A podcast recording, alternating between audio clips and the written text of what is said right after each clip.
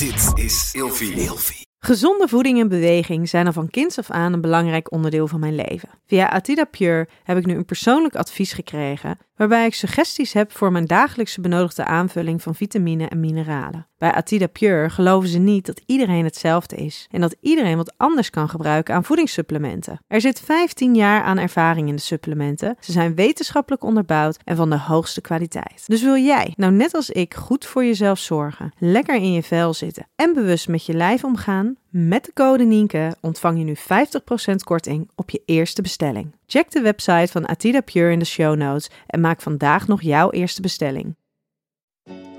Welkom bij een nieuwe aflevering van Seks, Relaties en Liefdes. Waarin Nienke Nijman elke week openhartig in gesprek gaat met vrienden, familie en bekenden. Nienke is psycholoog, relatietherapeut, seksuoloog en auteur van het boek De Relatie APK. In deze aflevering praat Nienke met Janice. Janice kwam er rond het dertiende achter dat ze op vrouwen viel. Om er vervolgens achter te komen dat ze ook echt op mannen kan vallen. Ze valt meestal op vrouwen, maar eigenlijk doet geslacht er helemaal niet toe voor haar. En net zoals haar seksualiteit fluide is, gelooft ze ook dat haar kijk op het gebied van liefde, seks en relaties fluide is. Afhankelijk met wie zij is en hoe dat voelt, gaat zij op zoek naar de vorm die daar op dat moment het beste bij past. Janice, Ja. ja, wat ik heel leuk vind, is dat jij. eh, ehm, nou, jij zei dat jij zelf al heel lang het idee hebt om een podcast te maken. Maar dit is de eerste keer dat je überhaupt een podcast opneemt. Ja, dat klopt. Ehm, ik heb best wel, ik denk dat ik best wel iemand ben waarvan ik stiekem altijd wil dat alles pas perfect is als het begint. Ja. Terwijl, dat slaat natuurlijk eigenlijk, vind ik nergens op slaan. Toen kwam ik zo'n heerlijke quote tegen die zei van ja, waarom wacht je met dingen? Want er zijn mensen die hel- voor de helft zo goed zijn als wat jij zou kunnen. En die doen het en die maken er hun werk van. Dus daar zit, toen dacht ik gelijk, ja, waarom doe ik het eigenlijk niet? Ja, het ding is ook, er zijn zoveel dingen die ik een soort van wil bespreken, dat ik ook niet weet waar ik dan zou moeten beginnen. Nee. Ehm, dus ik denk dat dat me ook dan een beetje tegenhield. En dat ik denk, oh ja, dan moet ik er tijd voor maken. En wie, waar wil ik het dan over hebben? En wie moet ik dan uitnodigen? En dan... Dus je wil een heleboel, maar je weet nog niet precies wat. Ja, eigenlijk dat. Goed dus, dus dit was eigenlijk gewoon wat dat ik dacht, oké, dit is een begin. Oké, laten we dit doen. Precies, precies. Dat kan je wel een beetje oefenen. hè? Precies. Ja, bij mensen die de helft eh, kunnen van wat jij kan. None taken. hey, maar ehm, eh, nou ja, onderwerpen waar jij dan podcast over zou willen maken... zijn onder, onder andere een stukje seksualiteit, relaties, intimiteit. Ja. Ja. Hey, als je het over die, eh, die drie thema's hebt... Ik heb jou gevraagd om daar eh, vijf woorden bij eh, te verzinnen. Mhm. Kan je die eens met ons delen? Ja, dat was dus. Ik ben ook iemand die altijd alles stiekem een beetje op het laatste moment doet. Dus dat deed ik net. en ehm, toen kwam ik erachter dat ik dat eigenlijk heel moeilijk vond. Terwijl het drie onderwerpen zijn waar ik echt niet over uitgesproken raak. Maar toch, als je het dan zo ehm, op moet schrijven, dan ja, liep ik er toch een beetje op vast. Ehm, en seks was de eerste waar ik heel makkelijk vijf woorden bij kon vinden. Ehm, dat waren voor mij veiligheid, vrijheid, mannen en vrouwen, verbinding en versmelten en dominant en onderdanigheid. Dus ik kon Ja? stiekem ook niet vijf woorden bedenken, maar het werd een soort contrast. Maar onderdanigheid en, en eh, dominant, dat past een beetje bij elkaar. Ja, Net zo goed eh, het man, vrouw, daar in ieder geval een soort van Ja. het hele spectrum mee willen aanduiden. Ja, Ja, dus die mag wel een soort van als één. ja dus Eén dus- woord wordt dat Ik heb er gewoon een slash tussen gezet, zo van, het is stiekem één woord. Precies, Ja. precies. Ja, maar oké, dus seksualiteit die ging redelijk eenvoudig. Ja, dat vond ik, daar begon ik mee. Dat vond ik het makkelijkst. Maar dat komt denk ik ook omdat voor mij. Ehm, ik vond ook eigenlijk dat de woorden die ik zowel bij seks als relatie als bij liefde schreef, dat ik die eigenlijk bij alle drie had kunnen schrijven. Omdat het voor mij gewoon allemaal ja, verbonden en, het, en hetzelfde is op die manier. Dus ik denk dat, nou, ik begon daar dus mee en toen de rest uitwerkte, dacht ik, ja, maar dat, eigenlijk heb ik dit dat net ook al opgeschreven. Dus wat ga ik hier dan opschrijven? Ja. Zijn er nog nieuwe woorden bijgekomen bij de andere thema's? Ehm, bij liefde heb ik basis geschreven. Ehm, waarmee ik eigenlijk wilde zeggen dat ehm, ja, ik liefde echt als basis zie eigenlijk voor alles. Dus gewoon in mijn dagelijks leven dat ik gewoon ik vind dat altijd moeilijk. Ik judge mezelf altijd een beetje daarom. Um, dat ik denk, ja, dat schreeuwt iedereen toch altijd. Oh, liefde moet, liefde moet de basis zijn. Je moet van een plek vanuit liefde komen. En dan denk ik altijd, ja, bla bla bla. Misselijkmakend gepraat.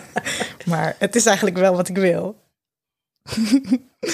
um, dus dat kwam er nog uit. En onder relaties kwamen, kwam het woord vormen. Dus de verschillende vormen van relaties. Ja. Omdat ik dat ook iets heel interessants vind. Um, zelfreflectie. Ik denk dat je in een relatie vooral jezelf tegenkomt. Um, onrealistisch en dan ontussen aanhalingstekens. Omdat ik er een hoop mm, ideeën bij heb van hoe het er dan uit zou, hoe ik zou willen dat het eruit ziet. En daar kan ik dan de ene dag zo over denken en de andere dag zo. Ik denk van ja, oké, okay, maar hoe ga je daar dan ooit een, een goed beeld van maken? En uiting aan geven. Ja, precies. Uh, en het wordt trauma's in relaties, omdat ik denk dat dat iets is wat um, ja, uiteindelijk maakt, je, zeg maar, maakt dat je relatie wel of niet gaat standhouden. En hoe je met je eigen trauma's en hoe jouw partner of partners met hun trauma's omgaan en hoe je die uitwerkt. Dus ik denk dat dat voor mij de nog woorden waren die er ook bij waren gekomen. Ja, wel bijzonder dat dat dan, dat laatste woord trauma's, dat dat um, dus ook dus wel gewoon als een van de eerste woorden naar voren komt voor jou. Ja, ik denk dat dat, dat heeft denk ik te maken met mijn tweede relatie die ik gehad heb. Daarin waren vanuit haar kant heel veel trauma's. Uh, zij was seksueel misbruikt en mishandeld toen ze jonger was. En um, ja, dat bracht een soort van zoveel met zich mee. Dat, dat, dat het daar, denk onder andere daardoor niet gewerkt heeft. Uh, en wat mij dan weer een trauma heeft opgeleverd. Omdat ik gewoon helemaal kapot ging toen dat uh, uitging. Ja, en eigenlijk een beetje haar trauma's jouw trauma's werden. Ja, wel, zeker. En, uh, maar ja, dat heeft uiteindelijk wel. Ik zou het allemaal nog een keer doen, omdat het me weer heel veel nieuwe dingen en inzichten heeft gegeven. En um, ik vet trots ben op wie ik nu ben en waar ik voor sta en wat ik geleerd heb. En dat heeft zeker mede um, daarmee te maken dat ik gewoon ja, zo kapot ging toen dat uit was. Dat je ja, je vindt jezelf wel, zoals ze dat zeggen.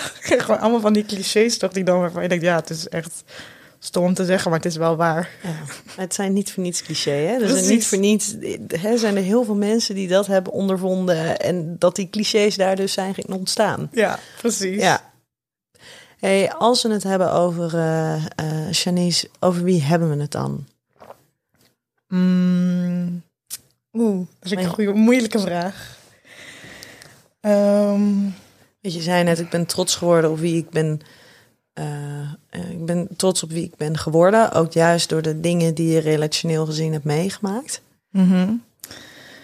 um, ik denk dat ik iemand ben die. Um, ik weet wel waar ik, waarvoor, waarvoor ik sta en waarvoor ik ook wil staan. En daarin ben ik, denk ik, ook redelijk zelfverzekerd. Maar ik probeer ook altijd de nieuwe aspecten en kanten en de verhalen van anderen daarin mee te nemen. Dus ik vind het heel goed dat ik ja, redelijk stevig in mijn schoenen sta en een mening heb over dingen en, en een open visie.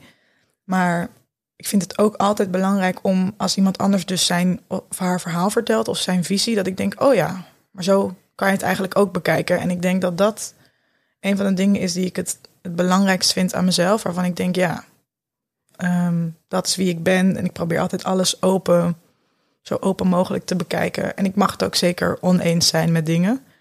Um, maar ja, dat is wel denk ik iets wat ik, wat ik belangrijk vind aan mezelf. Dat dat. Iedereen heeft zijn eigen verhaal. En je weet dat pas op het moment dat je daar met iemand over gaat praten. Um, dus daarin probeer ik vooral niet te snel te oordelen. Terwijl dat is natuurlijk vet moeilijk. Want iedereen oordeelt, denk ik. En dat is ook gewoon iets wat ons is, ja, wat je, waar je soort van mee opgroeit. Je hebt bepaalde ideeën vanuit je ouders, vanuit je omgeving. En um, ook dat is allemaal oké. Okay, maar ik probeer gewoon altijd te blijven kijken van oké, okay, maar hoe zit het nou echt? Ja. Nee, je hebt in ieder geval een aantal uh, onderwerpen al benoemd waar ik het heel graag met jou over wil hebben. En um, nee, je zei net al over, uh, uh, over, over seksualiteit. Mannen en vrouwen. Mannen slash vrouwen, zodat het één woord werd. En dan ben ik benieuwd, hè, want ehm, dat, dat klinkt eigenlijk nog steeds eigenlijk heel erg eh, binair. hè? En we hebben het over binair als we het hebben over mannen en vrouwen. En we hebben het over non-binair als we het niet zozeer exclusief zien als mannen en vrouwen, maar als mens zijn die zich gewoon mens voelt en zich ergens mee identificeert, vooral met zichzelf identificeert. Hoe zit jij daarin? Ben jij inderdaad, denk jij, mannen slash vrouw? Of zit jij in een, in een breder spectrum dan dat? Meer richting het non-binaire? Ehm, ik denk dat ik stiekem wel in een, in een breder spectrum zit. Ehm, maar ik denk dat dat ook een van die dingen is waar we een soort van zo mee opgegroeid zijn. Dat het mannen en vrouwen is. Dat dat iets is wat ik dus blijkbaar ook uitspreek. Ik vind dat bijvoorbeeld ook moeilijk als ik het op Instagram over dingen heb. Ik zeg heel vaak, hé hey, jongens. Of, en dan denk ik, oh ja, shit, maar misschien voelt zich iemand dan buitengesloten. Dus dan zeg ik, hé, hey, mannen en vrouwen en alles ertussenin. Maar dat is dus zo'n lange aanhef voor Ja. een bericht wat ik gewoon wil zeggen of iets wat ik wil mededelen. Ehm, terwijl voor mij maakt het eigenlijk echt helemaal niet uit ehm, hoe iemand zich identificeert. En dat is denk ik met alles. ehm, het maakt me eigenlijk niet uit wat je doet of wie je bent. Zolang wat je doet en wie je bent een ander geen kwaad doet of niet kwetst, dan, dan interesseert het me eigenlijk niet. Nee. En, Eh, en ergens is het natuurlijk, hè, het interesseert je natuurlijk wel in, in zekere mate, maar het maakt jou niet uit of iemand zich nou man voelt, vrouw voelt, eh, welke relatievorm diegene aanhoudt. Nee. Ehm, ja, En ik heb stuk. daarin zeker mijn voorkeur. Ik, ik zeg altijd 85-15. Dus ik val voor 85% op vrouwen en 15% op mannen. ja. Ehm, maar goed, als ik een keer een vrouw tegenkom die ehm, transseksueel is en die eerst een man bleek, ja, I don't care. Gaat gewoon om hoe je voelt en of ik me tot je aangetrokken voel. ja. Ehm, Ben je daar wel, mee, wel eens mee in aanraking gekomen? nou, niet dat ik weet, maar Oké. Nee, maar ik vind wel, ik vind het een hele goeie dat je dit zegt. Want ik heb dus afgelopen, eh, afgelopen week heb ik op eh, Netflix de eh, documentaire Disclosure gezien. oh ja. En dat, ik weet niet of je hem hebt gezien. nee, maar ik denk dat ik het voorbij zag komen in je story. Oh, dat. Zo fijn, social Lang media. Insta, ja. Nee, maar dat, eh, dat is een documentaire op Netflix waarbij dus allemaal eh, nou ja, eh, playwriters, eh, eh, activisten van hè, transgenders, ehm, nou, die, die vertellen over hoe zij dus eigenlijk al eh, sinds dat de film er is in Hollywood worden eh, weergegeven in films en hoe er eigenlijk met hun personages wordt omgegaan. ja. En datgene wat jij nu zegt, van ja, nou ja, als ik, hè, als ik, als ik iemand zie en ik, en ik val daarop en ik, en ik krijg daar gevoelens voor. En ehm, nou, die vrouw, dat blijkt eigenlijk dus een transvrouw te zijn. Dus voorheen eh, biologisch identificerend met een man en, en nu een vrouw. ehm, dan is dat oké. Terwijl in die, eh, eh, in die documentaire komt dus elke keer naar voren dat eigenlijk er geen scène is, vrijwel geen scène is, waarin dat dus oké is. Ja. Maar er wordt continu wordt er met walging op gereageerd en met, nou ja, met, met verbazing en dat mensen zich vies en ziek voelen. Ja, ja, dat is ook. Ja, ik vind dat zo moeilijk te begrijpen dat er daar walging omheen is, omdat ik, ik zie het niet. Dus ik, ik ben echt wel iemand, denk ik, die redelijk empathisch is en die zich goed kan inleveren in andere, eh, inleven in andere mensen. Maar ik, ik snap niet waarom je dat als vies zou bestempelen. Want stel nou dat ik met een vrouw naar bed ga en ik vind haar helemaal prachtig. Kijk, ik denk dat dat een ding is. Ik hou bijvoorbeeld ehm, niet van ehm, grote borsten. Ik hou over het algemeen van kleine borsten. En ik hou ehm, ook meer van natuurlijke borsten. Dus ik denk dat dat iets zou zijn waar, waarvan ik het door zou hebben. Of waardoor we daar op dat gesprek zouden komen. Maar stel nou dat ik echt vet verliefd ben op haar. En ik vind haar helemaal fantastisch. Dan, dan is zij toch gewoon wie ze is. En dan... Ja, ik denk dat het voor mij ook scheelt dat het, dat het voor mij sowieso niet uitmaakt of je een, een man of vrouw bent. Dus het idee dat je hiervoor een piemel had en nu niet, dat Nou, zou voor mij al, al sowieso niet vies zijn. wel mooi dat je, dat je eventueel zou afhaken op het feit dat er dan net borsten zouden zijn, omdat je meer van natuurlijke borsten houdt. Ja.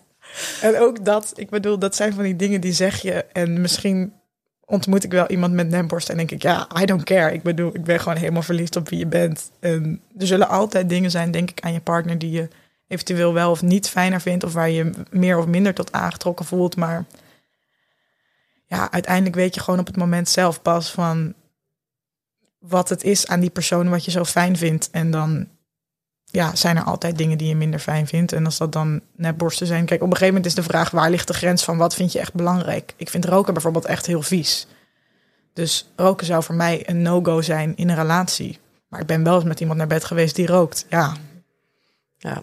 Ja, ik heb ook altijd gezegd, roken is een no-go. Maar nu ben ik getrouwd met een man die rookt. Dus ja, ja precies. precies. Nou, Nou, ja. Mijn ouders zijn daar ook het perfecte voorbeeld van. Ja. Mijn moeder is echt de extreem anti, anti-rook. Die gaat, weet je, die zit ergens op de hockey en die vindt het vies als mensen drie eh, meter verder zitten te roken. En mijn vader rookt ook. Dus Ja, ja, mijn ouders ook. Dat is echt, Uiteindelijk eh, heel fijn. kun je al je ja. principes op het gebied van liefde overboord gooien. Precies. Hey, wat ik nu eigenlijk een klein beetje vergeet, want ik wil al helemaal in gesprek met jou over van alles en nog wat, eh, is dat ik nog vijf vragen voor jou heb. Ehm, en ehm, ik wil graag een, een relatief kort antwoord van jou op die vragen. Ja, kort en mondig is niet mijn ding. Maar nee, maar we gaan de uitdaging aan. Oké, ehm, seksuele vrijheid is nu nog een illusie. Ja, dat denk ik wel. Oké, je mag ze straks toelichten.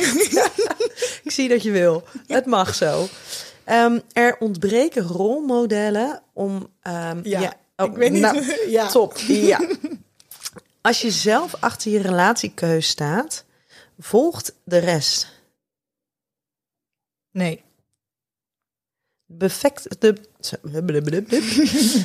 de perfecte relatie bestaat. Ja.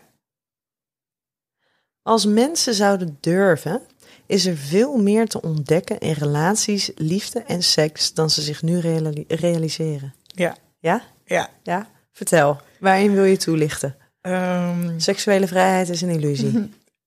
ehm, Je zei ja. Ja, ik zei ja, maar dat is een ja en een nee, denk ik. Dat hangt helemaal af, denk ik, sowieso van waar je bent, waar je geboren bent en dat soort dingen. Maar zelfs in Nederland, denk ik, we zijn in Nederland heel ver op dat gebied. Ik kan hand in hand lopen met een vrouw en dat is helemaal fijn. Maar er zullen altijd mensen zijn die me daarin aanstaren of naroepen. En nou, dat zullen alle vrouwen die wel eens met vrouwen zijn geweest, denk ik, herkennen. Maar hoe vaak ik niet gehoord heb. Oh, mag ik anders tussenin? Mag ik meedoen?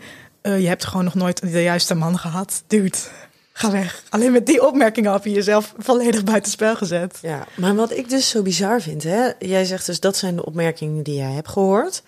Dat zijn compleet andere opmerkingen dan die twee mannen horen. Ja, en dat vind ik echt, dat vind ik zo erg. Ik bedoel, dat is ook nog steeds als je kijkt naar, naar films en series, dan zeggen ze, oh, we doen er een lesbisch koppel in, want weet je wel, dan hebben we ook de LGBT, eh, zeg maar, weergegeven. En we lekker voldoen aan ons idee van inclusiviteit. Precies, maar dit zijn zoveel minder eh, vaak twee mannen. En ik vind twee vrouwen ook prachtig. En ik vind twee vrouwen ook geil en ook sexy. Ehm, dus daarom gebeurt het natuurlijk. Want er zijn veel meer mensen die dat op de een of andere manier geil vinden. Maar Ja, het, is, het is minder bedreigend of zo. ja, het is toegankelijker. Echt. Maar dus in die zin denk ik gewoon dat, dat seksuele vrijheid daarin gewoon nog niet bestaat. Want er zijn altijd nog zoveel discussies over. Of mensen die zeggen, ja, waarom is er eigenlijk een gay pride?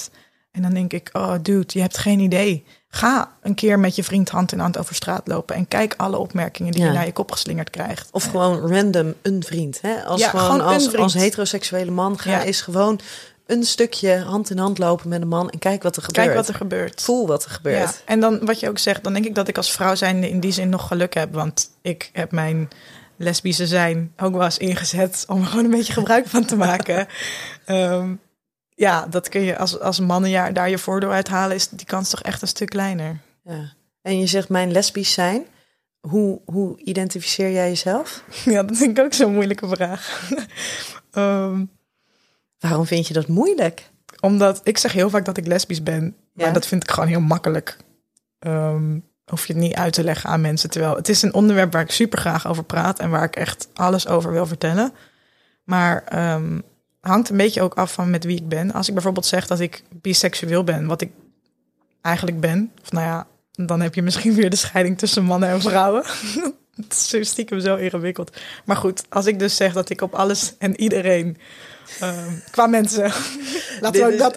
Maar dit, dit duidt dus wel weer eigenlijk een soort van de hele ongoing eh, complexiteit van Ja. dat hele gesprek aan. En dat het eigenlijk een soort van catch-22 is waar je maar niet, waar Ja. je niet uitkomt. Nee, dus dat, ik zeg dan, kijk, helemaal als ik denk, ik hangt er dus echt af. Maar als ik met een, een groep mannen ben en of ik alle mannen daarin te snel over één kam scheer, maar dan zeg ik vaak dat ik lesbisch ben, omdat ik geen zin heb dat er weer een man is die denkt, oh, maar die ga ik ervoor zorgen, ik ga bij haar voor zorgen dat ze ook op mannen valt, want ze heeft gewoon nog nooit de juiste man gehad. En dan denk ik, gast, dat is helemaal niet waar ik zin in heb. Dus ik ben lesbisch vandaag. Vandaag ben ik gewoon helemaal lesbisch.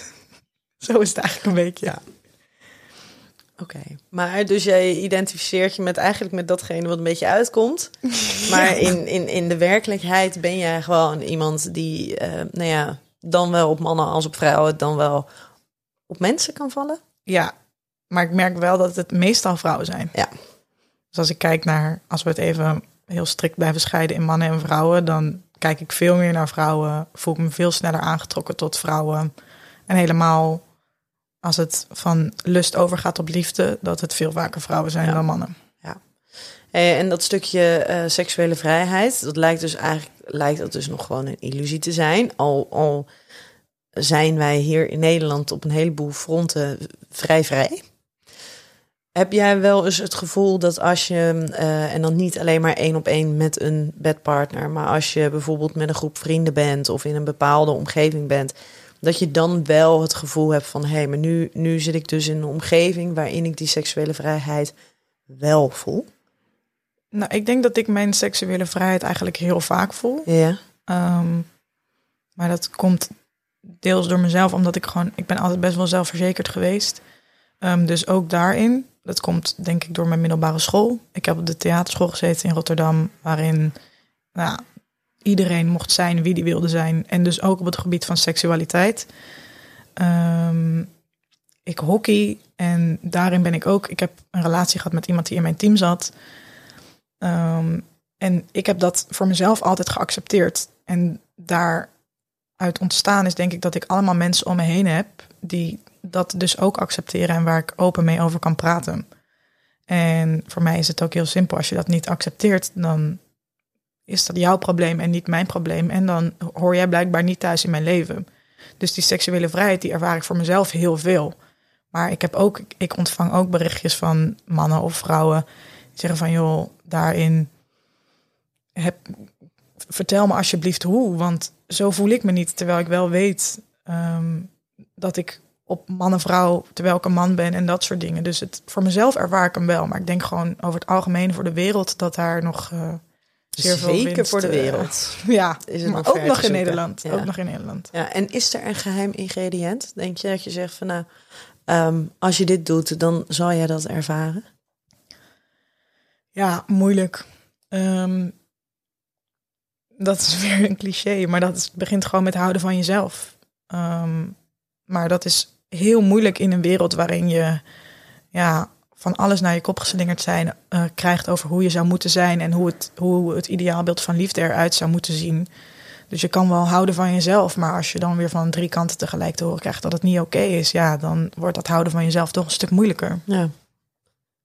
Eh, En daarin eh, gaf jij net, nog voordat ik me af kon maken, gelijk het antwoord eh, ja op, op, op de vraagstelling er ontbreken rolmodellen. Ja, heb jij dat ook echt zo ervaren voor jezelf? Of zie je dat Ehm, meer ook voor anderen? Ik denk meer voor anderen. Ehm, ja, dat is eigenlijk denk ik een beetje hetzelfde antwoord als net. Ik voelde op een gegeven moment wat ik voelde. En ik dacht bij de vrouw die ik leuk vond, dat ik dacht, oké, misschien vind ik je gewoon heel leuk. En misschien is dit de definitie van naar iemand opkijken. En even later dacht ik, dude, je wil gewoon heel graag met haar zoenen. Dus ik denk niet dat je echt tegen haar opkijkt, maar dat er gewoon iets meer aan de hand is. Ehm, maar ik denk daarin voor veel anderen dat er ik zou, echt, het zou het echt mooi vinden als er vanuit school, vanuit basisscholen, zoveel meer wordt gepraat over seksualiteit. Ehm, ik pas veel op, dus ik, dat zijn dingen waar ik het met mijn oppaskindjes over heb. Als zij mij vragen, ben je verliefd? En ik zeg ja, en het is een meisje. Dan gaan we daarover praten en is En dat is dat normaal. Seksualiteit of is dat liefde, relatievormen? Ehm, Oeh. Want dat, ik vind dat een hele lastige, hè? Want eh, ik geef ook wel seksuele voorlichtingen. En er wordt ook wel eens aan mij gevraagd van... Goh, maar vind je dat dat dan op de basisschool gegeven moet worden? Nou, er zijn een heleboel mensen die dat wel vinden. Ik hoorde laatst van ehm, eh, vrienden van ons met twee dochters. Hun dochter die had een, zo'n programma wat jaarlijks eh, op scholen wordt aangeboden gehad over, over seksualiteit. En hun dochter die was 10, 11. En die kwam helemaal een soort van in shock kwam ze thuis. Omdat er dus allemaal dingen verteld werden wat ze, waar zij helemaal niet aan toe was. Wat ze helemaal niet wilde weten. Ja, maar is zij dan in shock omdat daar vanuit haar omgeving dus altijd te weinig over gepraat is? Nee, gewoon omdat het dus gewoon absoluut niet aansloot bij de belevingswereld. Ja. En weet je, we hebben hier natuurlijk ook een, een, een meisje van acht eh, rondlopen. En als zij dingen vraagt, Mhm. ehm, hè, eh, eh, waarom heet een, een, een, een, waarom noemen ze een vagina een vagina als het eigenlijk een vulva is? Weet je, dat soort Mhm. Ja. dingetjes. ja. Ehm, dan wil ik daar heel graag met haar, nou ja, niet eens over praten, maar dan wil ik dat Mhm. haar wel uitleggen hoe dat, hoe dat werkt. Maar ik vind dat dus heel lastig. Waar ligt dan de informatie die je geeft over een stukje seks? ja. En waarin leg je de basis van, nou ja, weet je, het kan, het kan heel goed zijn dat iemand verliefd wordt, dan wel op een meisje, dan wel op een jongetje, dan wel ja, dus dan is er echt een verschil tussen seksualiteit en, en seks. liefde en relaties. Ja. Nee, ja dat, ja, dat is moeilijk. Maar dat is ook, dat is dan ook natuurlijk weer voor iedereen verschillend. Want ik weet, ik denk dat de eerste persoon achteraf gezien waar ik ooit verliefd op was, was mijn juf terwijl ik in groep drie zat. Dus Ja. toen was ik daar blijkbaar al iets mee bezig. Terwijl later had ik natuurlijk vriendjes op de, op de basisschool. Maar als ik dus kijk naar een van mijn opaskindjes, ik was met Pasen bij hun. En toen had zij een ei voor mij geschilderd. En toen zei ik, nou schat, eh, vertel even wat over dit paasei. En toen zei ze, ja, eh, dit paasei is biseksueel, net als jij. Daarom past het zo goed bij jou. En zij is tien. Dus Ja. nou, ik lag natuurlijk in een deuk. En Ik zei, schat, hoe kom je hierbij? Ze zei, ja, nou ja, jij was toch een keer met een man en een vrouw. Dus ja, ik zo, we- weet je, dus voor haar is dat iets waar ze blijkbaar wel heel makkelijk al mee bezig is. Of waar ze over praat. Of, Ja, en dan nog, gaat dat over seks? Ja. Of gaat dat dus over Ja. relaties en over liefde? Ja, misschien meer over relaties en liefde. Maar ja, ze heeft ook een oudere broer die nu in de fase zit waarop piemels en kutten en alles weer zeg maar voorbij komt. Dus daar gilt Ja. ze natuurlijk over mee. Dus dan hebben we het ook daarover. Dus ja, nou ja, misschien is eerder relaties en liefde dan, dan echt seks. Terwijl ik zou het toch ook voor heel veel kinderen fijn vinden dat ze het al eens gehoord hebben voordat ze er zelf aan toe zijn. Want misschien ben je er ineens aan toe en weet je dus niet waar je moet beginnen of wat normaal is ja, moeilijk. Moeilijke, moeilijke scheidslijn, denk ik. Maar het blijft moeilijk, hè? Want eh, het is niet voor niets dat heel veel onderwijsinstellingen en, en ook ouders dat heel erg lastig vinden. Ja, Hoe je daar op een gezonde manier mee om kan gaan. ja. Ja. Ehm, als je zelf achter je relatiekeus staat, volgen anderen. Daarvan zei je van niet. Nee, ehm, omdat... Nou, ik ben ook wel eens met een man en een vrouw tegelijk geweest. En ehm, dat is iets waar ik zelf wel achter stond. Maar dat betekent niet dat dat voor ieder ander... Er is natuurlijk ook nog een verschil aan tussen ergens achter staan of iets gewoon oké vinden. Ik had ook vrienden die, vriendinnen die het gewoon die het prima vonden, maar die het zelf nooit zouden kunnen, zeg maar. Dus dat is denk ik ook nog een verschil.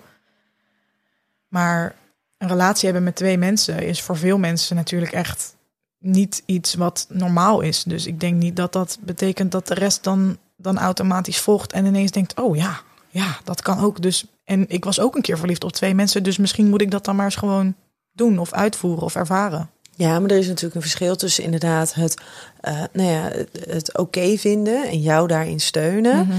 Ehm, en, en dat hoeft, niet, dat hoeft zeker niet te betekenen dat je zelf ook denkt van, oh, dat is ook iets voor mij. Want dat is zeker niet iets voor iedereen. Nee, nou, maar als je dan heel makkelijk neemt, mijn relatie met een vrouw, daar, daar, nou, daar staat een heel groot deel van de wereld nog niet eens achter. Dus in mijn omgeving wel, Ag- again, omdat ik mensen heb uitgezocht en zij mij ehm, bij wie dat normaal is en bij wie dat bespreekbaar is. Maar er zullen ook nog heel af en toe zie ik iemand op mijn Facebook voorbij komen die daar dan zeer andere mening over heeft. Ik vind dat alle meningen er mogen zijn. Maar ja, zolang iemand vanuit een, plek van liefde komt en er geen andere mensen mee, mee kwaad mee doet, waarom zou je daar dan zo streng op tegen zijn? Dus, en ik, ik ben echt wel iemand die daar dan met mensen over wil praten en gewoon een open gesprek over wil voeren. Maar soms hebben mensen zo erg hun eigen visie en idee daarin dat ik denk, ja, hier, het is niet mijn taak. Ik ga jou hier niet een uur over vertellen, want je gaat je mening er toch niet over veranderen. En zij staan ook helemaal niet open voor een gesprek. Ze willen graag laten weten wat zij ervan vinden. Ja, en is het wat zij vinden of is het wat ze geleerd hebben dat ze vinden? Ja, dat is ook altijd een lastig, hè? Ja. Hey, en ehm, nou, de perfecte relatie bestaat. Die eh, ben ik met je eens. Heb jij hem al gevonden? Gedurende een fase? Of Oeh. Mm, nee, ik denk deels. Omdat ehm, dat ik dacht van, oh ja, dit, dit is wel echt wat ik wil voelen voor iemand en wat ik wil ervaren. Maar daar waren dan een dag later kon dat ook weer helemaal anders zijn. Om, nou, dat was één daarvan was die relatie die ik had met die persoon die zelf heel veel trauma had. Eh, ik was echt, nou, ik was ready om met haar te trouwen. Ik wilde zelfs al aan kinderen beginnen. Zij was namelijk eh, 14 jaar ouder dan dat ik was. Dus dat was wel een ding. En ik dacht, ja, chick, I, I don't care. Weet je wel, als dit is wat we nu doen, dan is dit wat we nu doen. Dus qua gevoel was dat zeker waarvan ik dacht, oké, voor minder dan dit moet ik het eigenlijk niet doen, want dit, is er te behalen. Maar er zat ook een, een deel, een, iets in wat echt toxisch was, wat dus zeker niet de ideale relatie was. En dat was ook toen ik met twee mensen was. Dat is ook iets, ik, ik denk dat ik, ik antwoord, eh, ik eindig sowieso met een vrouw, maar misschien met een man en een vrouw. Dus dat, dat is voor mij daarin nog open. Maar terwijl ik met die man en die vrouw was, was dat, vond ik dat fantastisch. En ik vond hun allebei, ik was even verliefd op allebei op hele verschillende manieren. Mhm. Uh, maar ook daarin zaten er dingen die voor mij nog helemaal niet werkten. Um, een stukje openheid en eerlijkheid, wat voor mij heel belangrijk was en wat daarin niet altijd het geval was. Dus de, de echte, ik heb mezelf nog niet ervaren, maar ik weet wel steeds meer wat het dan voor mij wel is. En ik denk ook dat zolang je daarin in gelooft, dat het ook echt bestaat. Ja. Um, een van de dingen die, je die je net al zei is, nou jij, jij, jij um, merkte op een gegeven moment dat je, nou voor je gevoel tegen iemand opkeek, tegen Mhm. op een meisje. Toen dacht je, maar ik wil er ook zoenen, dus misschien is het meer. Hoe oud was je toen? Um, 14, 15, denk ik. Wi- Wist je wat er, wat er gebeurde? Um, nee.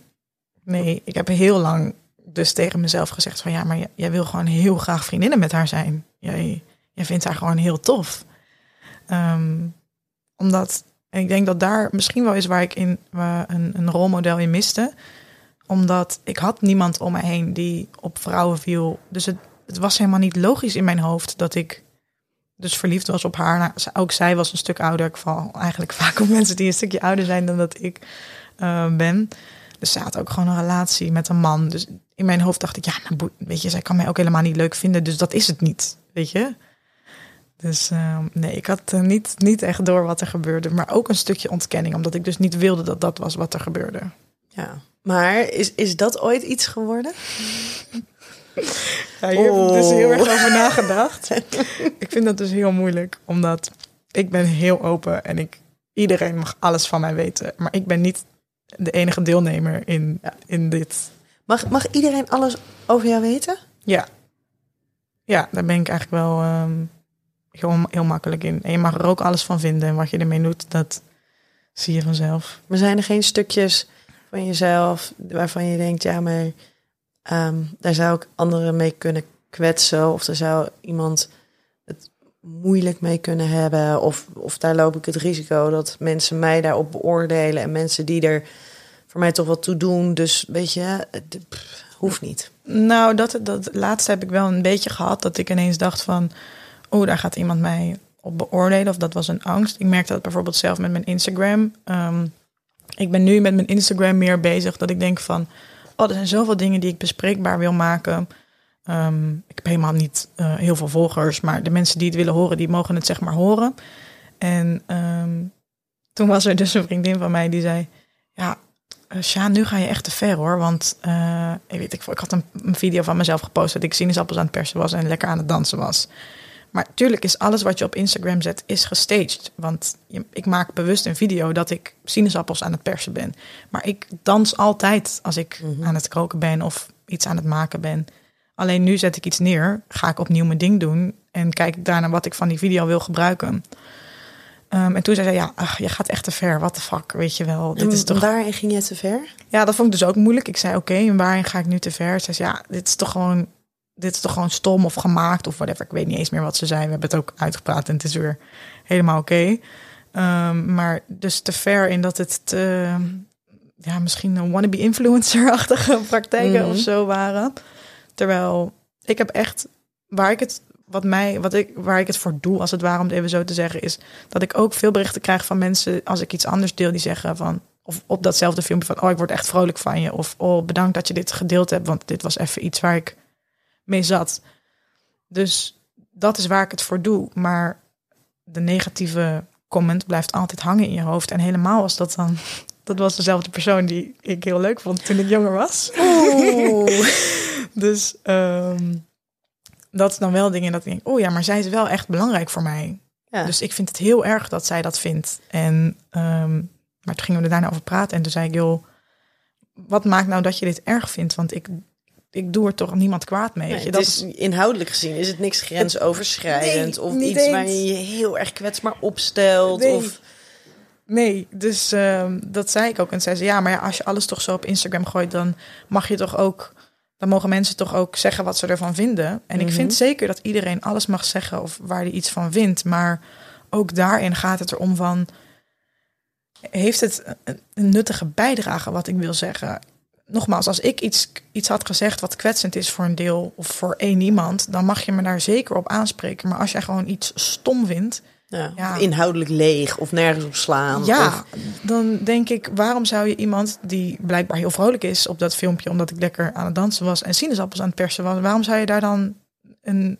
Ik zei ook, don't kill my vibe, want ik ga gewoon fucking lekker. Dus weet je, wat is je bijdrage? Ja.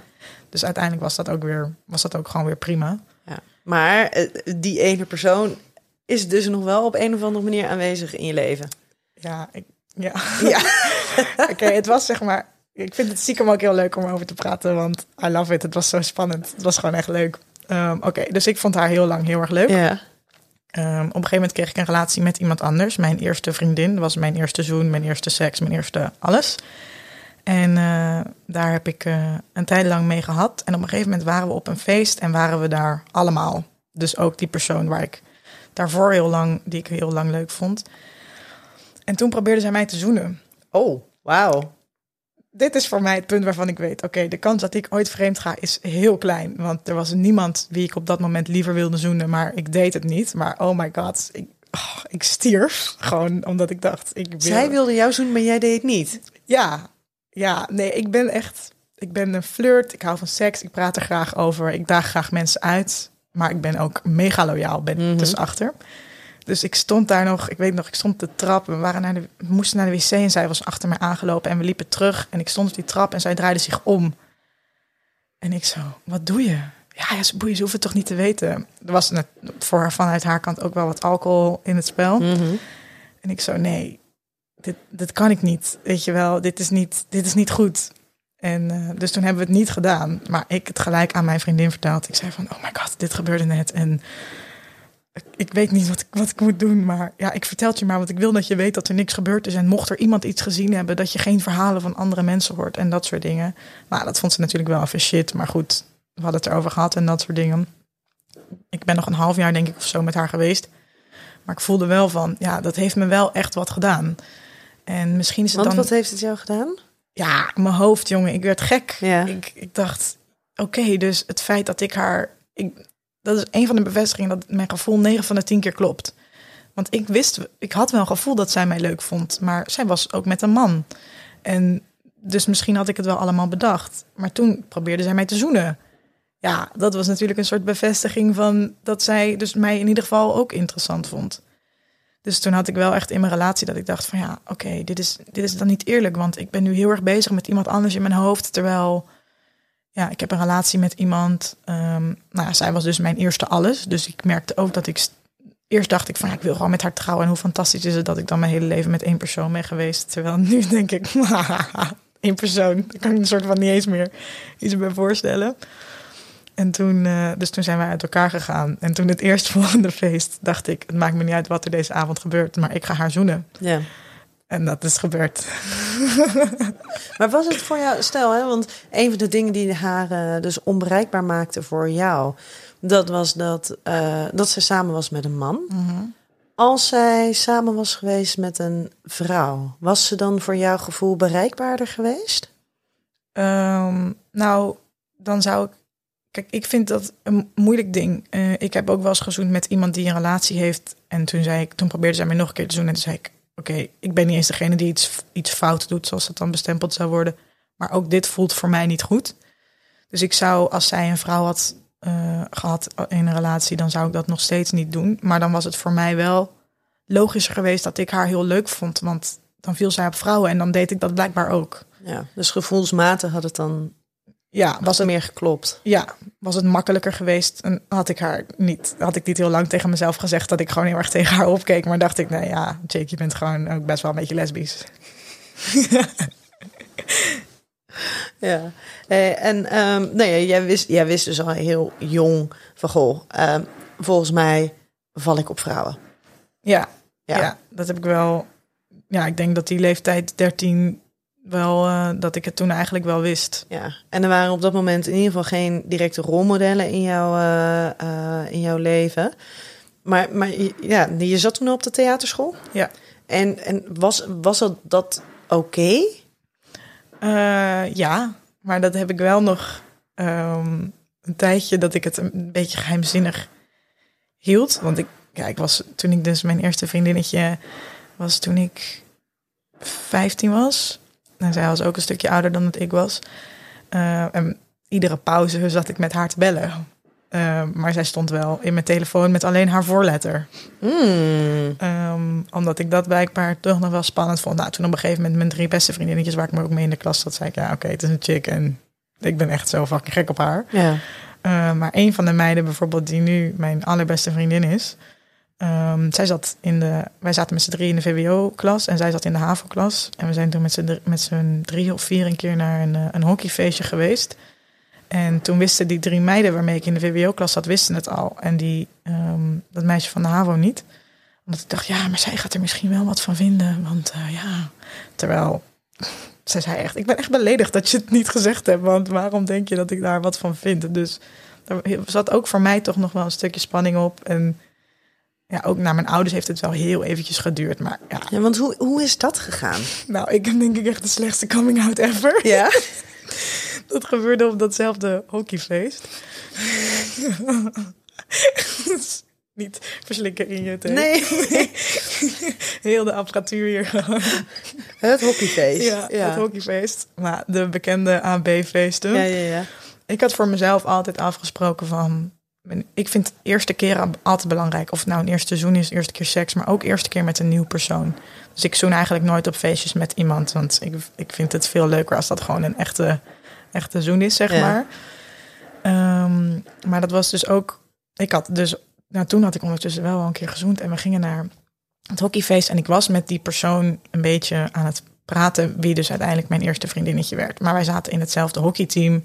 Ehm, ik was 13 toen ik naar de senioren ging met hockey. Dus alle mensen waarmee ik in het team zat waren minimaal vijf jaar ouder.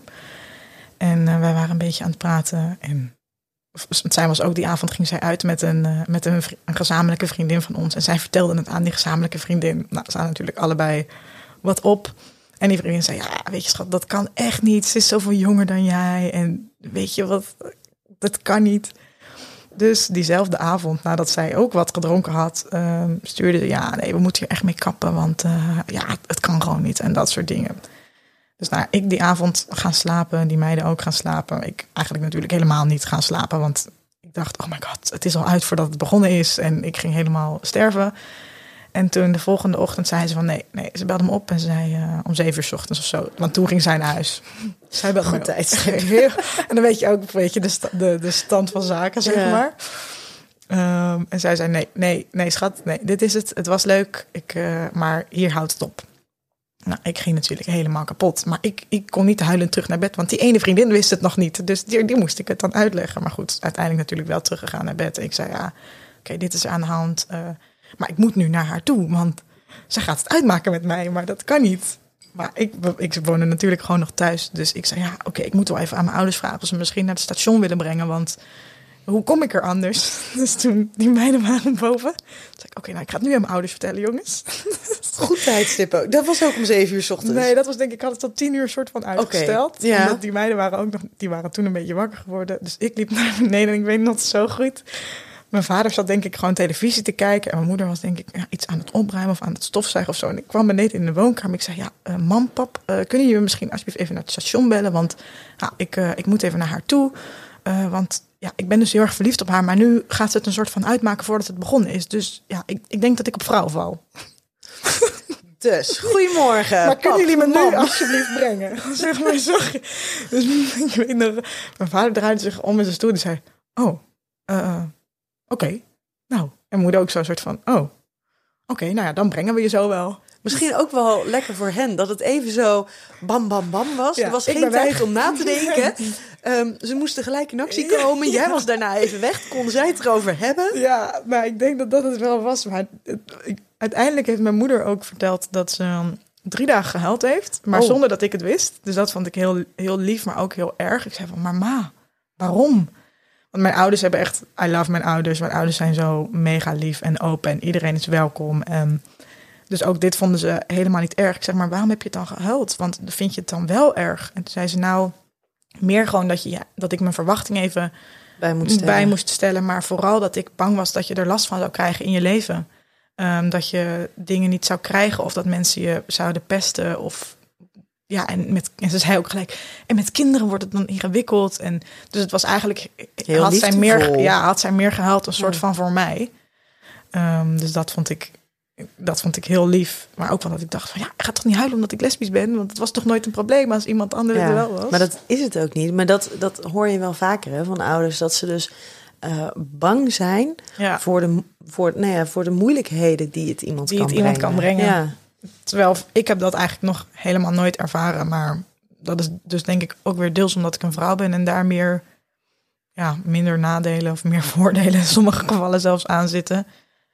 Ehm, en mijn omgeving, denk ik. Maar goed, je omgeving kies je voor een heel groot deel zelf uit. Dus dat heb ik denk ik ook gewoon aan mezelf te danken. Nou ja, en ehm, ja, je omgeving, als je, hè, als je het geluk hebt, de, ehm, kies je die voor een eh, groot deel zelf uit.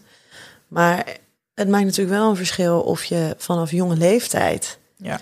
hè, daar al bewust bent van die gevoelens en daarin al bepaalde mensen dus Ja, toe kan zeker. laten in je leven.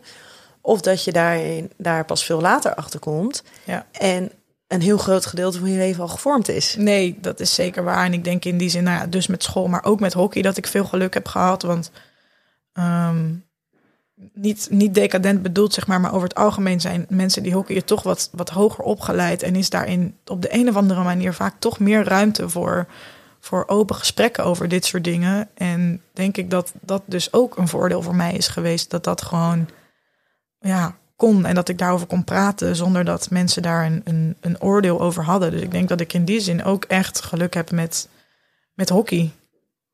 En de mensen die ik daarvan heb leren kennen. Wat grappig, joh. Zo heb ik namelijk echt nog nooit... ehm, ik heb zelf ook heel lang hockey gespeeld.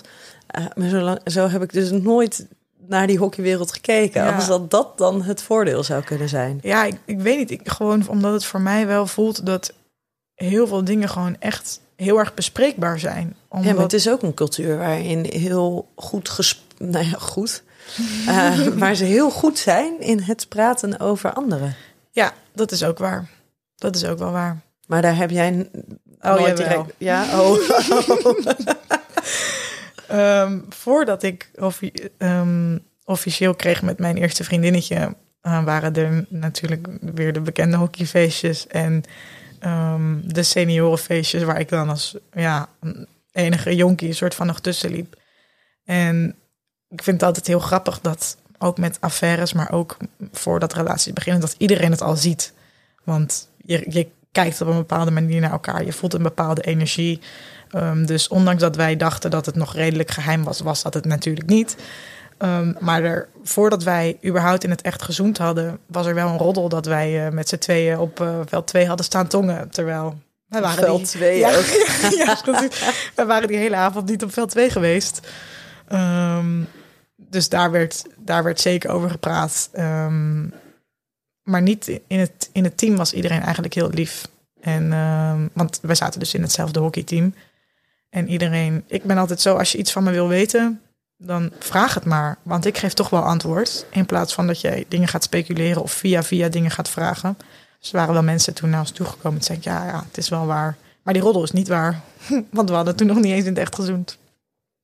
Ja, mooi. Het is wel waar. Maar die roddel? Nee, die niet. Die niet. Nee.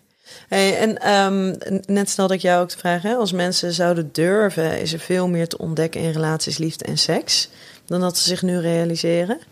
Ehm, ben, ben jij daar zelf eh, bewust mee bezig? Ehm, om meer te durven? Nou ja, en om meer te ontdekken. Mm, ik denk niet per se dat het bewust is, maar wel iets is dat zeker gebeurt in mijn leven.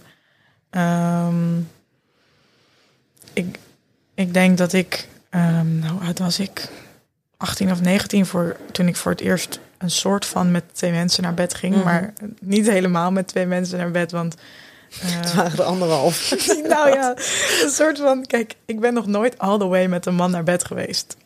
En nogmaals, mijn eerste keren in alles zijn daarin belangrijk. Dus ik leerde zijn vrouw kennen, die overigens mij versierde, wat ik heel hilarisch vond. Want normaal ben ik eigenlijk degene die op mensen afstapt en mensen versiert. Maar zij eh, versierde mij. En eh, ik vond haar dus heel leuk.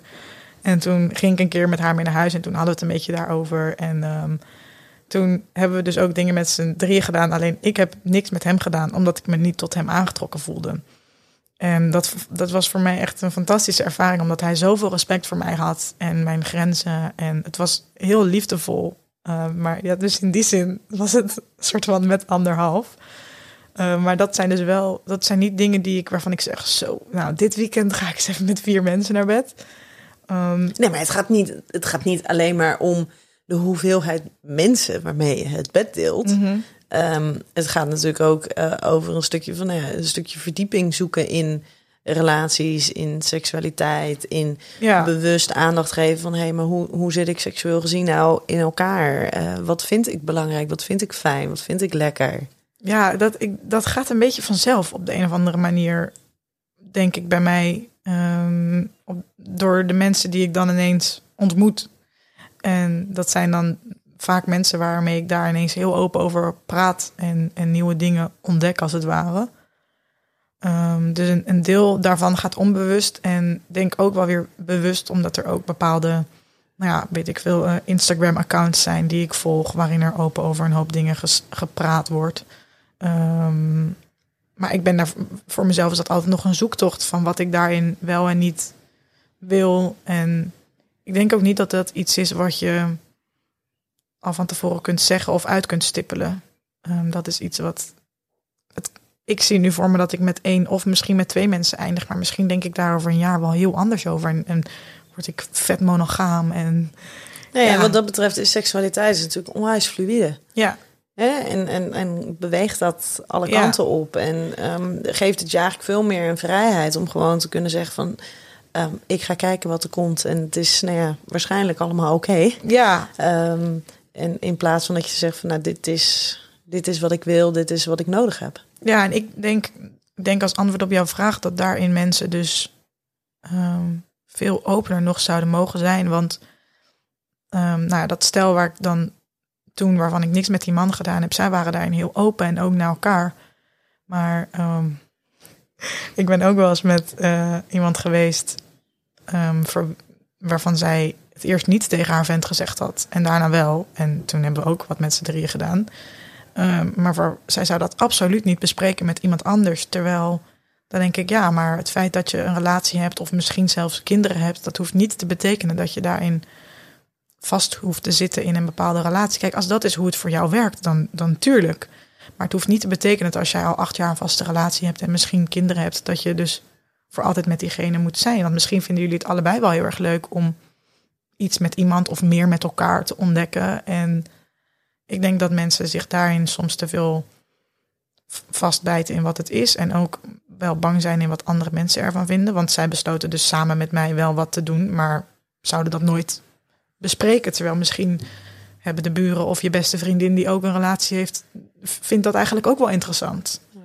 Dus daarin zitten mensen denk ik wel nog te veel vast. Maar dat is logisch, want dat is wat overal te zien is. Een Ja. monogame relatie tussen man en een vrouw. Is dat, ehm, nou ja, je zei dat die, die rolmodellen zijn er voor jou destijds niet geweest. Je benoemde net al eventjes eh, social media, Instagram. Denk jij dat eh, dat nu wel belangrijke informatiebronnen zijn? Dat daarin rolmodellen te vinden zijn? Ja, dat denk ik wel. Ehm, omdat social media is iets wat heel laagdrempelig is. En wat ook onder nou, Instagram een bepaalde leeftijdscategorie veel, ehm, veel gebruikt wordt. Dus het is heel makkelijk om daar iemand voorbij te zien komen waarvan je denkt: oh, maar hier herken ik me in. En dit kan ik volgen of ontdekken zonder dat iemand dat weet. Ja, tenzij iemand je, volgers gaat of gaat kijken wie je volgt, maar dat is wel heel extreem. Ehm, dus daarin wordt het heel wordt het makkelijker voor mensen om daarin dus te, zien dat er meer is dan ehm, de, de standaard zoals, het, zoals die er nu is. Maar ik denk ook in, in films en series en dat soort dingen dat het goed is dat dat steeds meer komt. Ehm, ook ja, Disney bijvoorbeeld, die daar meer dingen doet. En dan niet alleen om seksualiteit, maar ook om mensen met een andere huidskleur en dat soort dingen. Kijk, ik sta daar niet bij stil, maar 9 van de 10 series die je kijkt, die bestaat alleen maar uit witte mensen. Of bestaat alleen maar uit hetero's. Of bestaat uit lesbisch, omdat dat makkelijker is dan homo's. Ja. Dus ik denk dat social media daarin heel, heel belangrijk is. En eh, social media speelt natuurlijk veel makkelijker in op de actuele behoeften. En Ja. als je het hebt over tv-programma's, die zijn allemaal ges- geschreven, allemaal scripts, Ja. allemaal ver van tevoren. ehm, is het allemaal bedacht. Ja, ja, precies. Dus ik denk dat dat een beetje van beide is. Maar ik denk dat social media daarin wel echt belangrijk is. Ja. En als jij, uh, we moeten hem alweer bijna gaan afronden. Ik wil eindeloos eh, eh, doorpraten, dus wellicht kunnen we hier nog een keertje vervolg eh, aangeven. I'm in. Ehm, als jij nou een boodschap hebt, hè, aan, ehm, nou ja, dan wel jongeren, 16, 17, ehm, dan wel volwassenen, die eigenlijk nooit echt bewust hebben stilgestaan bij dat stukje seksualiteit, bij liefde, relatievormen. Wat, wat zou jij dan aan hen mee willen geven? En misschien wel iets wat jij ooit hebt gehoord, wat jou heeft geholpen. Hmm, ja, dan kom je denk ik toch bij zo'n cliché uit. Oh jee. Nou, ik denk dat heel veel mensen heel diep van binnen echt wel voelen wat ze, wat ze voelen als het ware. Maar ehm, dus stel, je bent al heel lang verliefd op iemand, dan, dan weet je dat denk ik heel diep van binnen wel. Alleen we stoppen het weg omdat we bang zijn of whatever. En ik denk dat het gewoon vet belangrijk is om voor jezelf te kijken, ja, maar, maar waar, ben ik, waar ben ik nou eigenlijk bang voor? En ik geloof gewoon echt in dat je het allergelukkigst wordt als je altijd je hart of je gevoel volgt. Ehm, dus dan zou het zijn, volg je hart. dat vind ik zo'n braakquote, maar Ja. er zit wel denk ik heel veel, echt heel veel waarheid in. Omdat ik gewoon echt denk dat iedereen, je leeft voor jezelf uiteindelijk. En tuurlijk, misschien vinden je de ouders wat van en dat is allemaal heel heftig. Ik bedoel, ik heb ook een vriendin die niet meer bij haar ouders woont omdat zij ehm, op vrouw valt. En ik denk, dat is, dat is vet heftig. Maar uiteindelijk is ze wel heel gelukkig nu. En tuurlijk zit er nog pijn van het feit dat zij geen contact meer of amper contact heeft met haar ouders. Maar ze heeft nu wel een fantastische relatie ehm, met mijn eerste vriendin. En ehm, dan denk ik, ja, dat is waar je het voor doet. En wees daarin moedig. En zoek daarin ook mensen om je heen waarvan je weet dat ze, ze je gaan ondersteunen. Stuur Ja. desnoods mij een bericht, ook al kennen we elkaar niet. Ik denk gewoon echt dat dat belangrijk is. Ik denk dat je uiteindelijk nooit alleen bent. Ja, ik denk dat dat inderdaad een hele belangrijke is. Hè? Want je, zeker als, als je weet dat er, nou ja, om wat voor redenen dan ook, jouw omgeving er met een afwijzing op zou kunnen reageren.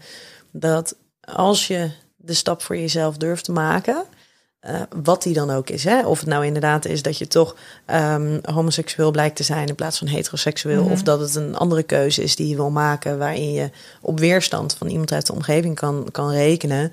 Er zijn heel veel mensen, en daarin is social media, zeker Instagram, is daar natuurlijk een heel mooi Ja. middel voor. Waarin er dus heel veel steun gevonden kan worden. En omring je dan met mensen die jou daarin wel kunnen steunen.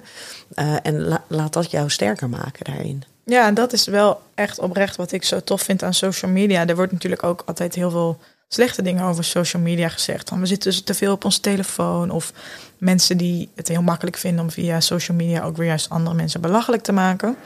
Ehm, dus daarin is social media denk ik nog wel eh, minder fijn. Maar qua dit soort dingen is het ook een enorm vangnet en een, een support voor je en wat je doet. En ja, nogmaals, je bent nooit alleen. Ja.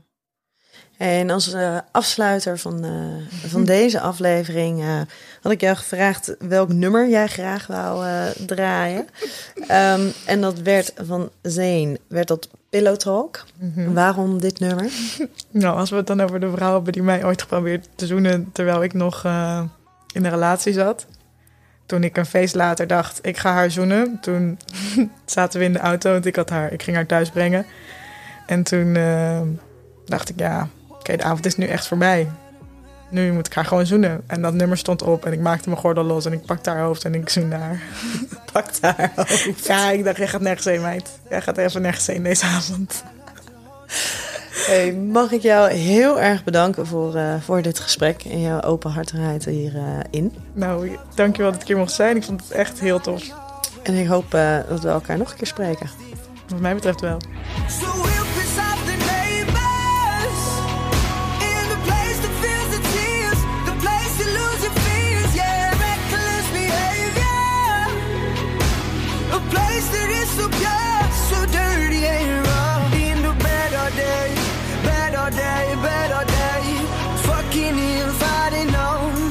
It's a paradise and it's a war zone. It's a paradise and it's a war zone. Pillow talk, my enemy, my ally, prisoners. Then we're free. It's a thin line. I'm seeing pleasure. Nobody but you, body but me, body but us, bodies together. I love to hold you close tonight and always. I love to wake up next to you. So we'll piss off the neighbors in the place that feels the tears, the place you lose your fears, yeah, reckless behavior, a place that is so pure,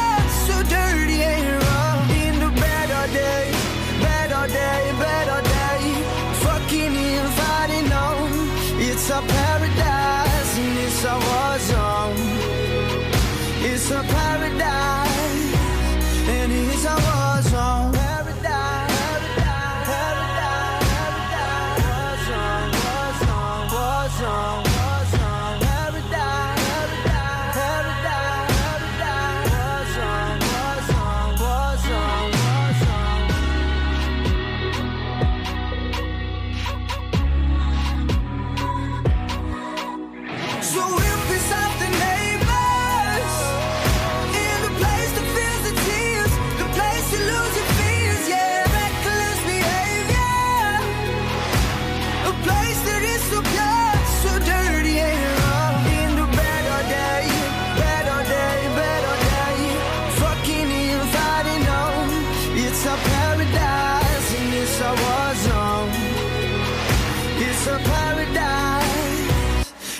Cause I wasn't